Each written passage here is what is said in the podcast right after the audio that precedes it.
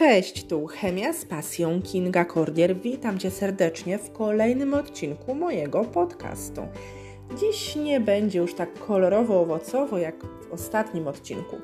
Na dziś zaplanowałam podcast o czadzie. I spokojnie, nie będę Cię tu zasypywała informacjami, które zapewne znasz.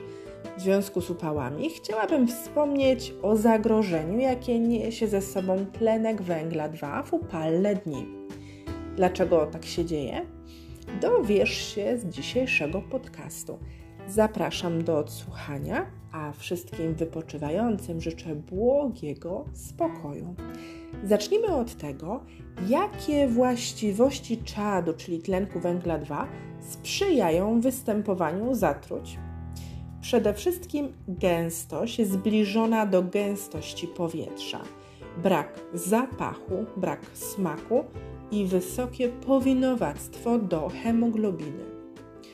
O zatruciach czadem słyszymy głównie zimą, ale należy pamiętać, że niebezpieczne sytuacje mogą wydarzyć się również latem, zwłaszcza w upalne dni. Dlaczego tak się dzieje?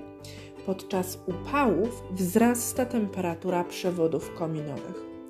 Może ona być nawet 2,5 raza wyższa od panującej temperatury powietrza na zewnątrz. Wtedy powstaje tak zwany ciąg wsteczny.